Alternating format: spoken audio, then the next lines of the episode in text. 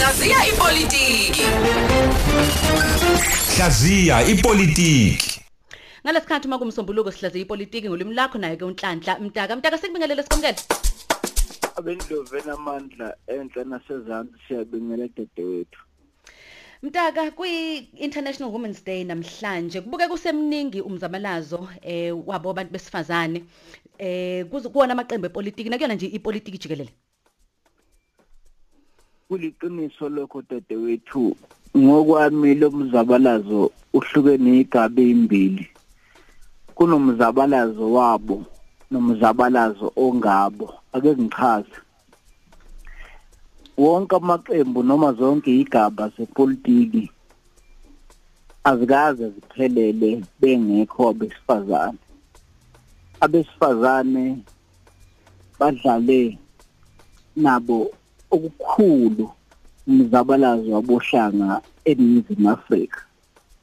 Kulishwa-ke ukuthi kokunye babuye bangaqanyiswa kodwa ubufakazi bukhona ukuthi usuka esigabeni sokuqala esesibili nesesithathu somzabalazo wabohlanga kuleli abesifazane bebekhona inkinga-ke kulesigaba sesine lesi sedemocracy abesifazane kuwonke amaqembu khuluma ngalawa bohlanga engiwazi kangcono.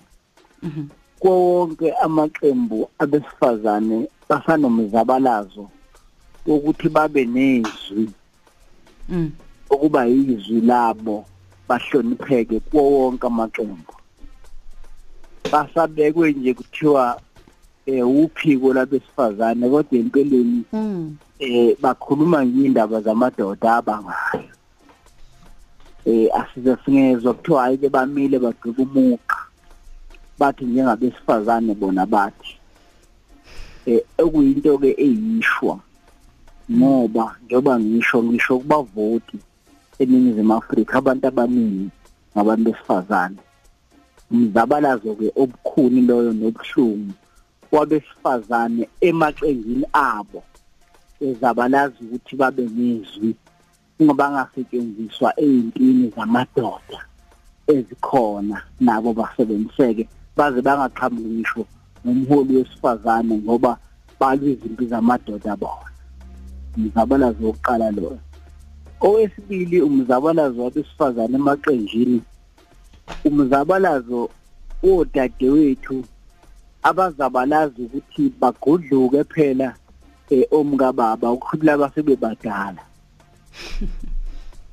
awukho umthetho othi umuntu okufuneka aphathe uphiko labesifazane kufuneka kube umuntu umkababa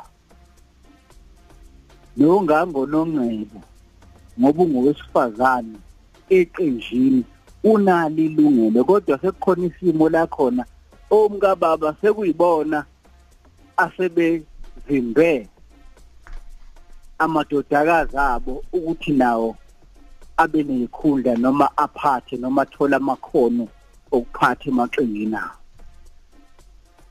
inkinga ke leyo ngoba esikhundleni sokuthi kube umzabalazo ohlangene womkababa lapha emaqenjini kanye namadodakazi abo belwela ilungelo labesifazane nezwi labo emaqenjini. Sekukhona umzabalazo wabo ke manje umkababa nodadewethu bebanga. Okuzokwenza ukuthi umzabalazo wabo bonke ungaqhubeki kuye phambili baqhubeke njalo uma sekuzovotwa sizwe bekhuluma beze bevela amankanka omkababa belwa nje izimpi zamadoda bengakhulumi indaba zabantu besifazane.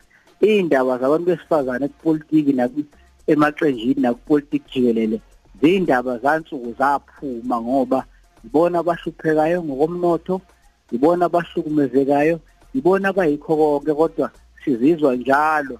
Mase kuthiwa hayi sekuzoba inyanga yabantu kuthiwa engabesifazane singe kodwa yonke lesinye isikhathi sizwe nje kukhulunywa izimpi zamadoda yiyo ngithi ke umzabalazo lo wabesifazane olishwa eh, emaqenjini epolitiki nesikhathi sedemocracy. Mtaka nje kulomzuzu owodwa o- osele mhlawumbe umunye angazibuza ukuthi kuze kudingeke ukuthi kube khona izwi labantu besifazane kungave kuukuthi eh ba- baseka i- i- ipolitiki yamadoda. Uma khona uphiko labantu besifazane makube ukuthi liyazwakala phela izwi labantu besifazane. Kuze kubaleke nje ukuthi lizwakale izwi labo kwezepolitiki. Kubaleke ngani? Kwaye wakhona isikhathi la khona wonke amaqembu ezepolitiki kakhulukazi lawo semadala engabavumeli abantu besifazane ukuthi babe ngamalungu. Ngiye ngizwe nje abantu sebethi u- umama lo kushoyo ukuthi maqeqe waye-ANC cha bakithi wayengakabiki i-ANC women's league ngaleso sikhathi wayeyimele nje elwa iy'nto zakhe emuhle lapho. Wa- waba njalo engakavunyelwa abantu besifazane ukuthi bangene babe ngamalungu. Kwahamba kwahamba abona amadoda akhanyiseleka ukuthi ngeke akhulume indaba zemindeni.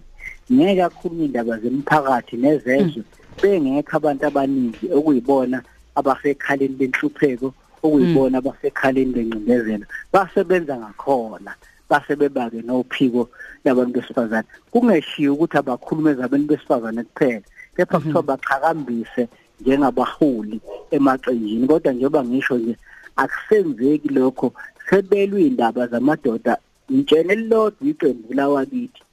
Abantu besifazane babekhuluma abantu indaba abantu besifazane kuyoqala unyaka uze kuyophela unyaka.